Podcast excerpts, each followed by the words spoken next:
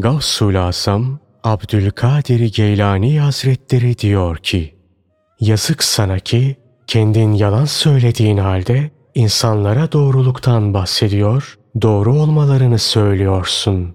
Kendin müşrik olduğun halde insanlara tevhidden bahsediyorsun. Kendin bir mürai, bir münafık olduğun halde insanlara ihlastan bahsediyorsun. Kendin günahları işleyip durduğun halde onlara günahları terk etmelerini söylüyorsun. Senin gösterinden haya hissi kalkmış. Eğer sende iman bulunsaydı muhakkak haya ederdin. Hiç işitmediniz mi? Resulullah sallallahu aleyhi ve sellem ne buyuruyor? Haya imandandır.